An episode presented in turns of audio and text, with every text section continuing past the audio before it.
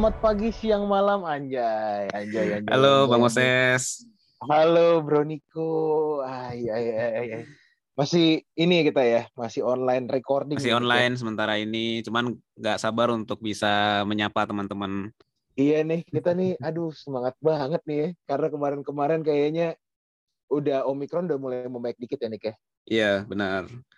Mungkin kalau nggak lama lagi mungkin kita bisa take podcast di studio nih Bang. Aduh, gue udah pingin banget men. Gue udah pingin banget. Kenapa? Karena eh, banyak hal yang udah gue baca, banyak hal yang udah gue riset, dan ada narasumber-narasumber juga yang gokil di Maret ini udah kita siapin ya Nik ya.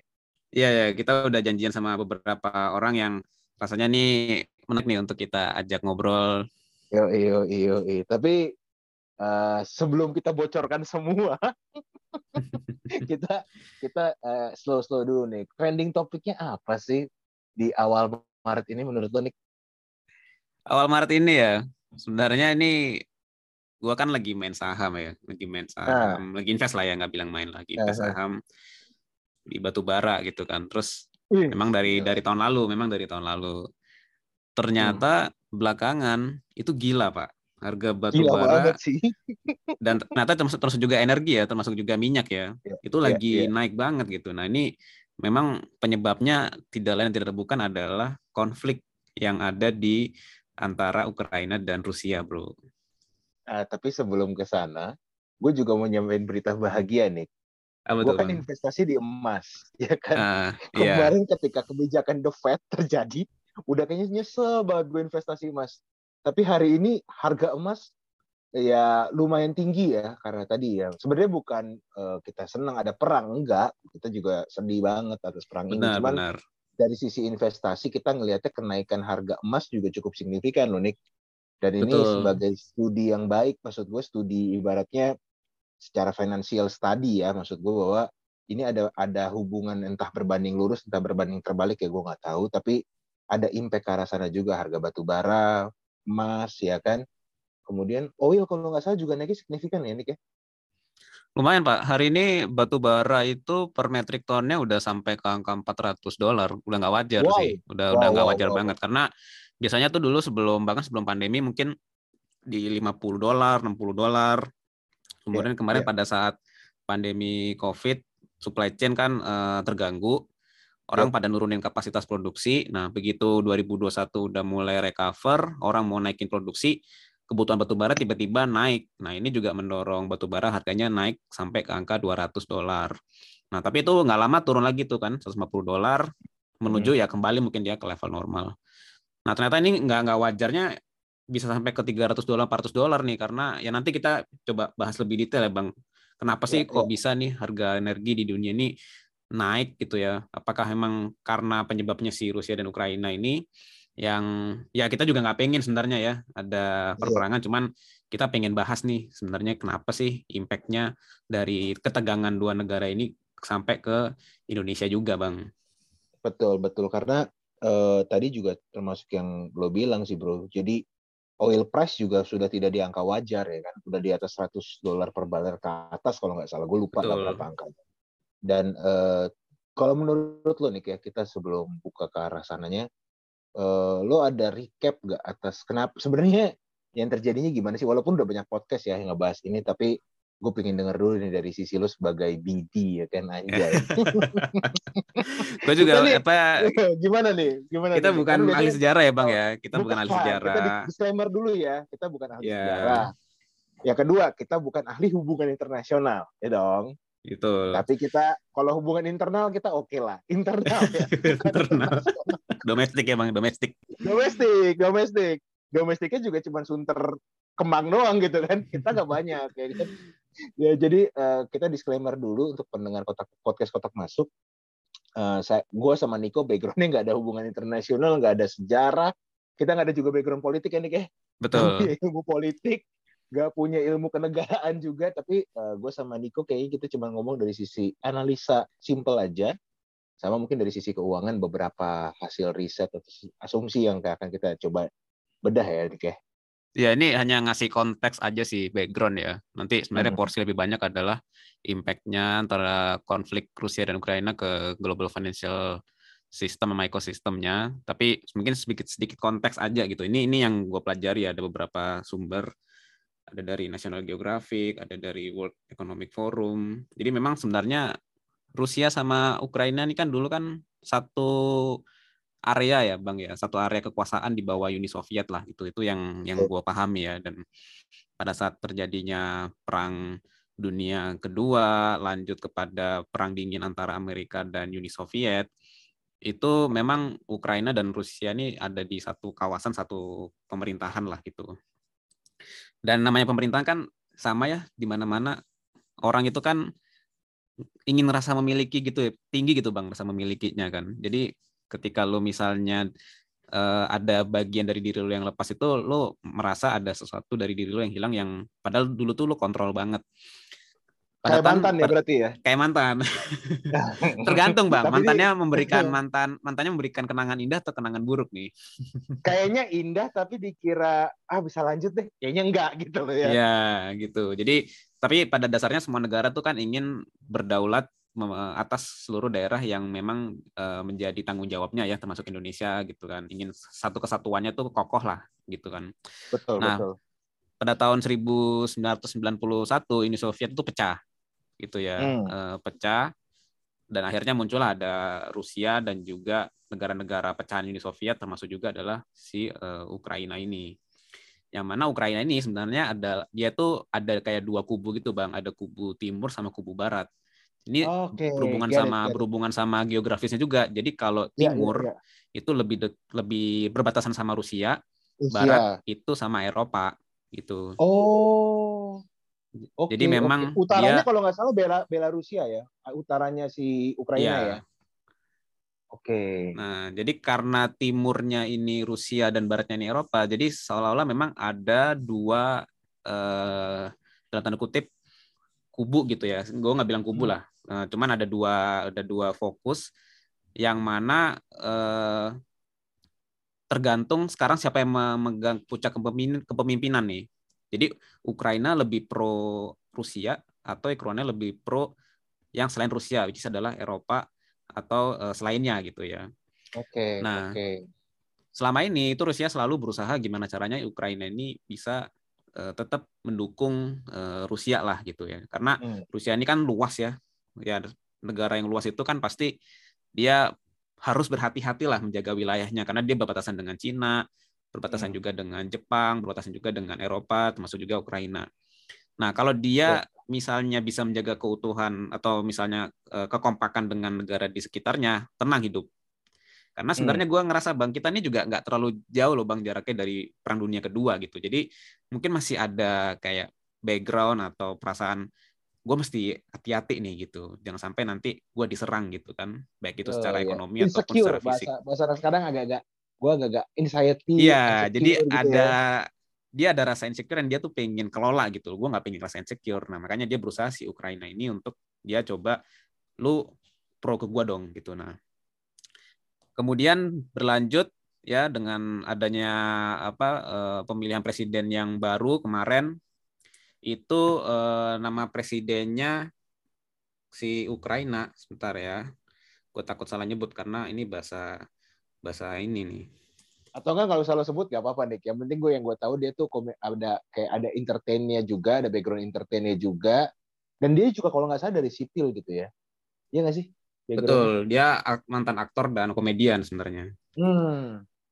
di Zelensky ya. Gue namanya ini si apa Volodymyr Zelensky. Nah hmm. jadi dia itu mulai menunjukkan gerakan untuk mendapatkan support dari NATO. Nah, NATO ini okay. adalah negara-negara Eropa dan Amerika yang menyepakati bahwa kita udah nggak mau lagi ada perang dunia lagi nih. Itu. Jadi kita okay. bersatu. Uh, nanti kalau misalnya uh, ada serangan dari luar anggota NATO, jadi NATO itu ada 28 negara Eropa dan dua negara Amerika Utara, itu saling bekerja sama, saling menjaga kedamaian. Nah, kalau ada yang mau nyerang, kita sama-sama saling bantu. Nah, hmm. salah satu anggota dari NATO adalah Ukraina dan Rusia itu di luar dari NATO gitu. Jadi Rusia ini ngerasa dia agak ngerasa insecure nih, wah si presiden yang baru ini si Volodymyr Zelensky ini dia lebih berpihak ke NATO nih dan uh, Eropa dibandingkan ke gua. Sementara hmm. Cina udah makin kuat.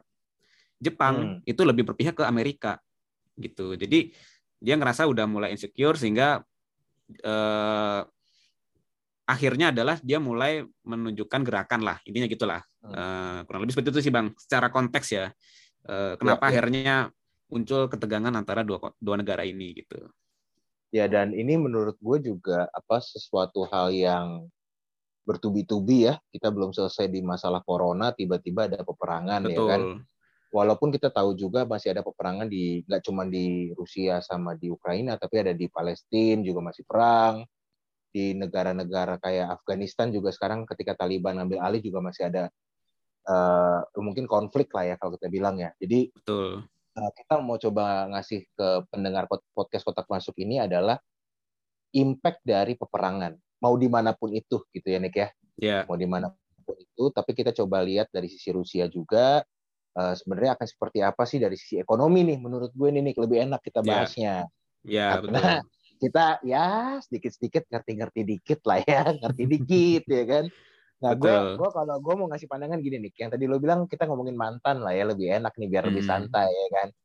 Misal nih ya kan, udah mantan nih, pertamanya pacaran kan namanya Uni Soviet gitu kan. Yeah. Terus tiba-tiba Uni Soviet runtuh ya kan, terus ada Ukraina, ada Belarus yang dekat-dekat situ yang udah merdeka lah ya dan sebenarnya netral kan sebelum ada NATO ini masuk atau enggak sudah berperan itu kan daerah itu netral banget. Dan menurut gue Uzbekistan itu eh Ukraina itu udah Uzbek aja gue nih gara-gara UU semua nih. Kayaknya agak-agak susah gitu kan. Hmm, intinya gini kalau menurut gue Ukraina itu punya uh, kelebihan. Dari sisi dia punya produksi gandum terbesar juga ya kan salah satu terbesar gandum dari Ukraina sama nuk ini men pembangkit listrik tenaga nuklir. Karena kalau nggak oh. salah tuh oh. Chernobyl tuh di situ. Nah, jadi uh, Ukraina nih sebagai negara yang menurut gue cukup strategis ke, di yang tadi lo bilang ya barat sama timur ya dan Kiev yeah. itu yang lagi diserang cukup uh, besar itu itu memang dekat banget sama pembangkit listrik tenaga nuklirnya yang paling besar. Dan per hari hmm. ini yang gue dengar juga dua pembangkit listrik tenaga nuklir sudah diduduki lah ya oleh yeah. operasi militer. Operasi militer ya kita bilang nggak bukan perang lah sebenarnya Putin tuh nggak pernah nyebut perang tapi spesial operasi militer ya kan. Ya. Yeah. Ya terserah lah mau diomongin kayak gimana. yang penting ada dor-doran, meledak gitu ya. Jadi kalau gue nih gue cuma mau ngebahas gini.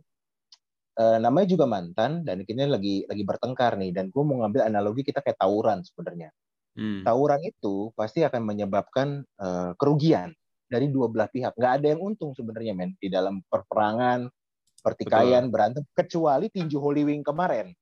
Nah, itu beda tuh. tinju Holy Wing kemarin antara Vicky Prasetyo dan Aldi Taher itu cukup trending minggu kemarin dan gue sangat uh, terkesan sih sebenarnya sedikit aja intermezzo biar kita nggak terlalu serius ya. Lo ya. tahu nih, lo, lo nonton gak sih pertandingannya? Gue ngikutin ini aja beritanya aja di beritanya, Instagram kan? sama nah, Twitter. Kalau gue ngeriset jumlah viewersnya setiap pertandingan gue ngeriset dik. Hmm. Lo bayangin, ketika Aldi Taher lawan Vicky Prasetyo itu total viewer live di YouTube-nya itu 80 ribu men. Hmm. Nah, ketika salam dari Binjai ngelawan juara PON Muay Thai kita itu, lo tahu berapa viewers live-nya? 330 ribu bro. Gokil. Gokil nggak lo? Itu tapi pertikaian atau pertempuran yang menurut gue lo kalah dapat uang atau nggak dapat uh, benefit juga ya kan? Apa hmm. sosial media lo naik gitu ya kan? Lo menang ya lo dapat hadiah gitu loh. Itu kan the both side gitu ya. Tapi kalau yang sekarang ini menurut gue war of impact-nya ya ini gue kalau ngambil dari alux.com ya itu yang paling parah sih ini menurut gue dari peperangan itu yang paling parah adalah human cost. Yeah. sebenarnya manusia itu nggak bisa kita kasih angka ya manusia itu nggak yeah, punya betul. angkanya jadi soalnya harga diri lo harga badan lo itu nggak ada angkanya sebenarnya tapi di alux.com ini bilang paling besar itu adalah human cost kenapa karena human cost itu menjadi hidden cost ketika misal nih gue berperang gue jadi prajurit gue meninggal gitu kan dalam peperangan itu kan nah gue meninggal otomatis rumah gue kan nggak ada yang bisa uh, jadi tulang punggung lagi gitu kan. Betul. Dan itu kan nggak bisa dihitung secara keuangan. Beda kalau lo misalnya uh, si uh, Rusia nih ngirim bom nih atau apa sih kemarin misil lah ya ngancurin bangunan misalnya gitu ya. Yeah. Bangunan kan bisa lo hitung, oh bangunan depresiasinya aja ya capeknya sekian sekian sekian bisa lo hitung kan bro renovasinya sekian jadi kan bisa bisa kelihatan tapi kalau human cost itu nggak bisa gitu loh jadi uh, dari Alex.com itu war impact yang paling yang paling sebenarnya berimpact tuh di human man nah nanti sampai kita akan gue ngebahas cost of war-nya sendiri. Impact-nya itu tuh luas banget bro. Selain human ya selain human yeah. ya. Karena dia bilang gini ada empat sih yang dia bilang. Satu inflasi. Yang paling jadi inflasinya gini. Uh, eh, gue baru sadar juga ternyata kayak lu belanja alat perang kayak alat pengamanan negara segala macam itu nggak murah men. Gila nggak murah Betul. banget. Nggak murah banget. Dan itu akan menyebabkan ketika lu jalanin sebenarnya kalau untuk pengamanan biasa sih ya teritori pengamanan doang ya itu sah-sah aja negara punya itu gitu loh ya.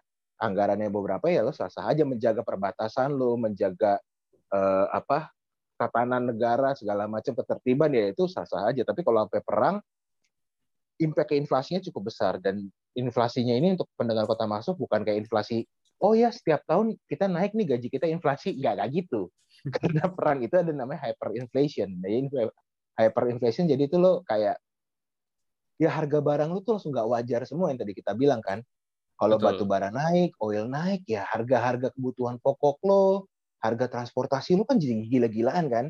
Nah, itu yang pertama dari hyperinflation. Kedua, yang tadi Nico udah sebut sebutin di awal, unstable oil price. Jadi oil price itu ketika lo unstable, lo kan nggak bisa panjer nih, oh gue mau budget berapa ya kan buat transportasi gue. Karena setiap hari itu bisa berubah dan harganya semakin nggak wajar. Yang ketiga national debt, ya udah pasti dong.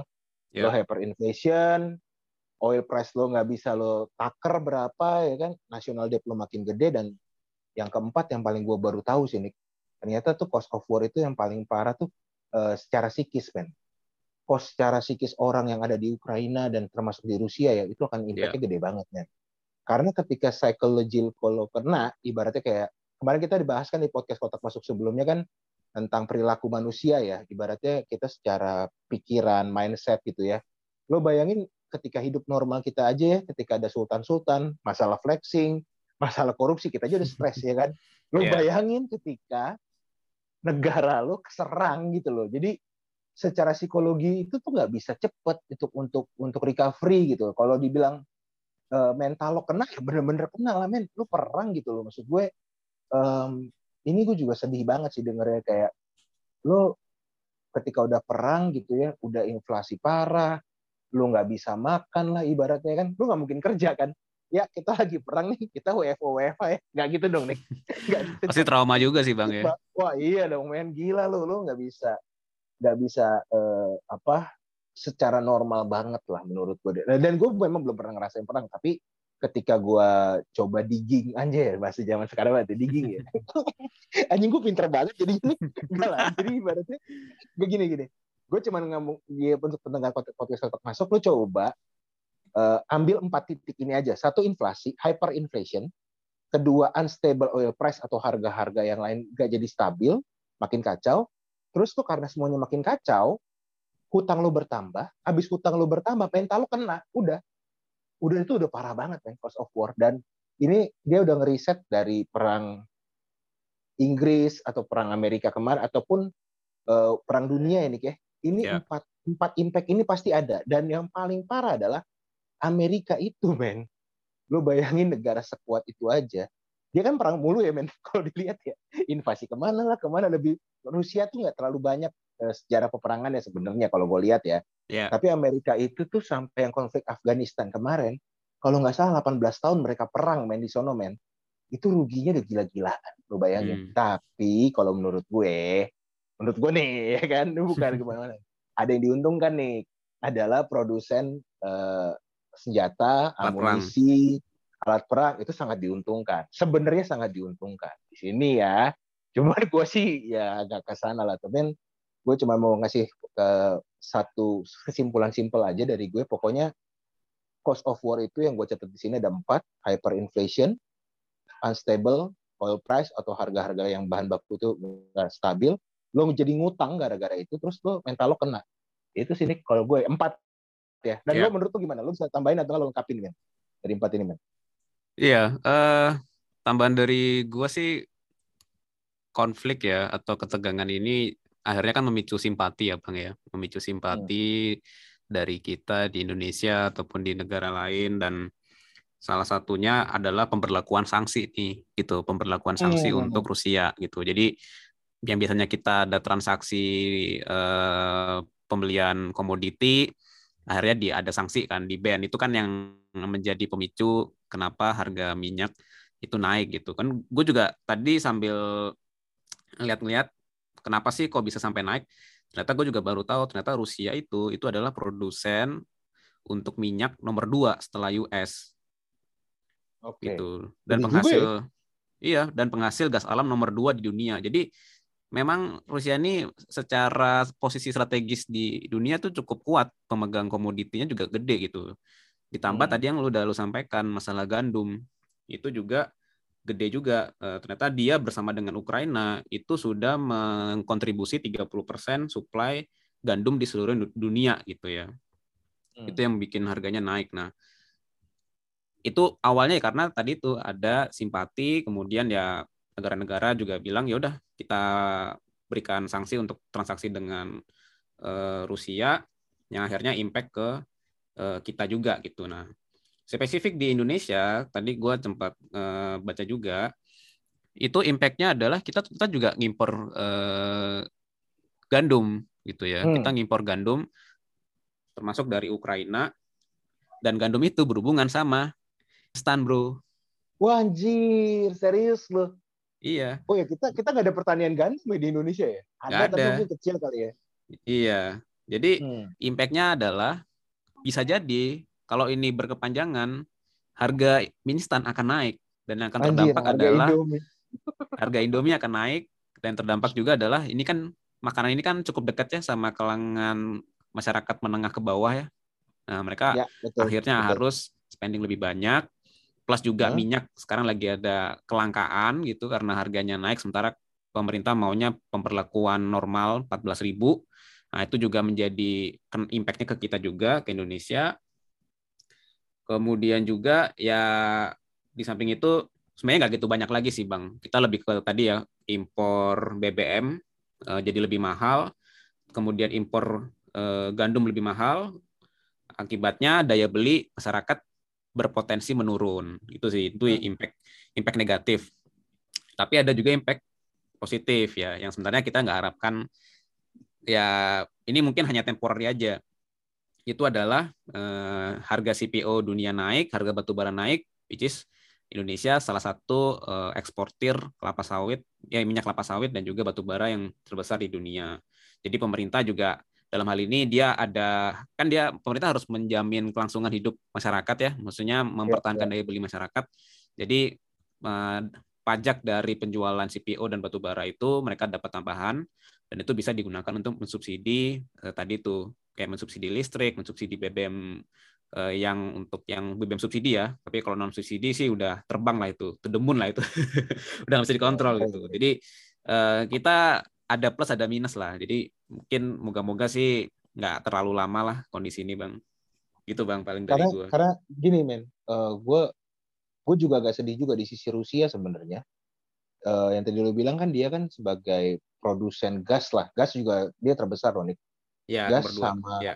nomor dua ya karena gas itu yang sebenarnya disuplai ke Eropa uh, kayak Inggris, Prancis yang sebelah barat lah ya nih kayak betul, Eropa yang betul yang yang gede lah ya ibaratnya itu mereka juga takut karena kalau ini musim dingin yang makan panjang gitu ya mereka nggak dapat suplai gas dari Rusia ya Eropa akan kedinginan lah ibaratnya seperti itu dan ini juga sebenarnya dari masyarakat Rusia juga gue udah ngeliat kemarin di beberapa uh, sumber gitu ya di YouTube mereka udah kesulitan narik uang cash nih di Rusia ya hmm. jadi karena kan stok market mereka kan tutup ya kan Terus yeah. uh, perbankan mereka juga lagi kesulitan karena semua orang di Rusia juga panik gitu loh. Karena ini kan kita ngomongin kan perilaku ya. Ini gue juga sangat-sangat gue tekanin juga di podcast kotak masuk.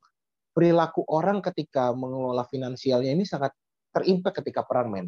Lo ketika Betul. perang, baik itu Ukraina sama Rusia itu semuanya panik ke ATM men. Narik duit.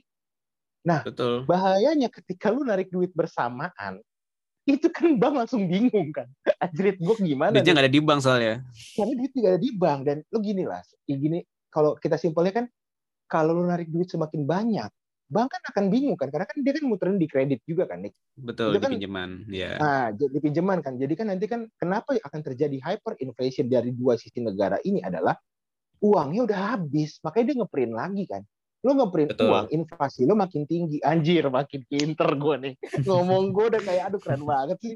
Tapi gini, gini, gini. Gue bukan yang makin seneng. Enggak. Cuman gue menyadarkan juga ketika kita panik, semua bisa kita lakukan, men. Itu itu itu gue juga uh, belajar banget dari sisi ini lo pu harus punya uang cash yang lo nggak usah KTM gitu loh ketika apa pun yang terjadi lo langsung lo udah punya apa ibaratnya safety money lah untuk lo bertahan hidup gitu ya. Betul. Salah Dan, satunya adalah uh, yang instrumen uh, tadi itu lo itu tadi bang emas. Sekarang emas lagi jadi inceran karena uh, itu menjadi istilahnya safe safe haven aset tuh. Jadi uh, dengan adanya kondisi seperti ini harga emas cukup stabil naik ya lu anytime lu bisa cairkan jadi uang gitu. Ya ya ya dan uh, sebelum kepotong sama uh, beberapa hal nih yang gue coba tekanin juga di teman-teman petugas masuk uh, sebenarnya udah kelihatan nih peperangan itu tuh nggak ada nggak ada untungnya sebenarnya. Ya tadi yang Niko bilang sama gue bilang terkait harga naik segala macam emas naik bla bla bla. Lo lihat deh orang-orang di Ukraina di Rusia juga sebenarnya udah nggak suka sama perang ini kan Nik betul ya kan? Nggak nggak nggak zaman lagi lah gitu loh maksud gue tapi ketika sanksi itu sanksi ekonomi turun juga sebenarnya tidak langsung berimpact akan stop perang gitu. Tapi Putin juga kemarin gue lihat di satu YouTube yang baru dipublish gitu ya. Dia cuma bilang ya ketika saat Ukraina masuk ke NATO dan nanti ada misilnya uh, NATO di situ atau pertahanan NATO di situ kan udah deket banget sama Rusia kan. Dia merasa insecure dan menurut gue si Putin ngomong gini men. Kalau gue yang naro misil yang lo inget gak? Kuba krisis. Krisis Kuba. Ya yeah. nah krisis Kuba itu adalah si Kuba pingin ibaratnya yaudah Rusia lu join aja di Kuba ini. Padahal kan haknya Kuba kan. Kalau si Rusia ikut sama Kuba gitu ibaratnya sama ya kayak kayak Ukraina ikut sama NATO nih. Si si Amerika langsung insecure kan mak dekat kali dia ya kan? Kalau dia join sama Kuba sebenarnya dia ada juga bilang lah gue juga pernah kok ngelakuin itu dan semua orang nggak uh, protes. Sekarang kenapa lo ikut ikutan ini? Ya jadi kayak nah lo ngapain sekarang gantian mau invasi apa Ukraina gitu kan? Ibaratnya NATO mau ke Ukraina. Jadi aduh menurut gue nih agak-agak complicated. Gue juga kurang paham antara leader-leader ini ya sama uh, perhimpunannya mereka. Cuman kenapa nggak netral netral aja sih slow slow aja gitu loh. Karena uh, impact dari corona tuh belum selesai ekonomi yang atas impact corona ini tuh gede banget nih jadi Betul. Uh, eh, gue sih mikirnya untuk kita ya dan Indonesia juga uh, ya lu mempertahankan negara ya benar cuman lu harus lihat dari berbagai sisi karena gini andaikan ya kita coba berandai-andai nih kayak iya ya perang ya ini ada satu teori juga nih. Hmm. Andai kan biaya perang itu dikonversi ke biaya edukasi nih, itu yang kata perang Amerika Afghanistan ya, itu bisa menghidupkan uh, satu biaya budget uh, edukasi dalam berapa puluh tahun gitu nih. Jadi mereka perang setahun itu bisa buat berapa puluh tahun biaya yeah. edukasinya mereka gitu loh. Jadi kayak ya saking gedenya aja, ya. Gitu. Saking gedenya dan lo tahu kalau misalnya lo di Amerika atau di negara-negara maju kan lu terlilit hutang di biaya pendidikan lo kan? Intuition fee kalau nggak salah ya atau hmm. kredit biaya pendidikan itu kan mahal banget kan di sana kan untuk university untuk college gitu kan. Lo bayangin mereka semua bisa gratis satu negara kalau nggak perang gitu loh Nick. Sayang iya kan? iya benar. Gitu sih men. Ya moga-moga bisa cepat selesai lah cepat mereda. Kemudian hmm. ya kondisi sudah ya tadi ya maksudnya kita lagi mau recover dari covid terus aduh ternyata ada hal seperti ini memperpanjang waktu untuk kita harus bersabar gitu ya. Moga-moga bisa cepat selesai.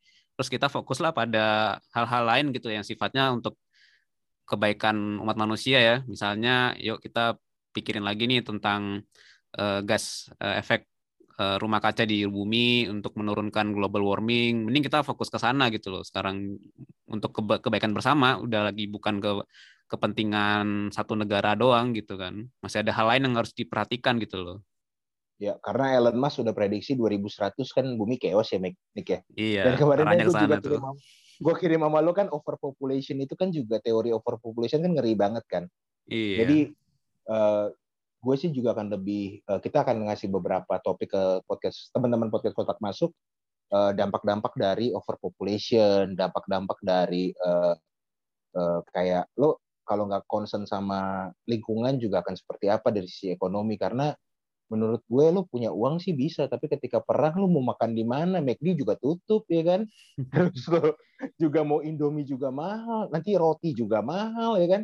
Karena ya Betul. ya tadi kita juga ketika perut udah ngomongin perut ya itu udah paling parah sih men. Dan jangan sampailah berkepanjangan lah cukuplah yeah. slow slow dulu nonton nonton ini aja lah. Tata-tata pemersatu bangsa gitu loh.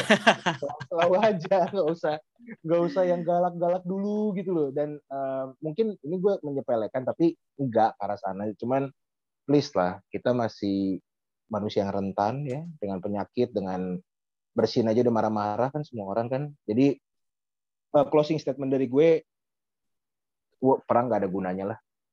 Gak ada gunanya. Iya kalau kita aja. mau mau berlomba tuh berlomba berlombalah pada hal yang kebaikan lah gitu sifatnya kan. Iya. Yeah. Sultan Niko. Oke Nick, kayak okay. gitu aja dari kita ya. Teman-teman Thank you Bang Moses. Thank you. Peace, love and gaul. Anjay. teman-teman pendengar podcast kita masuk sampai ketemu di episode berikutnya ya Bang ya. Thank you, thank you. Thank you. Thank you.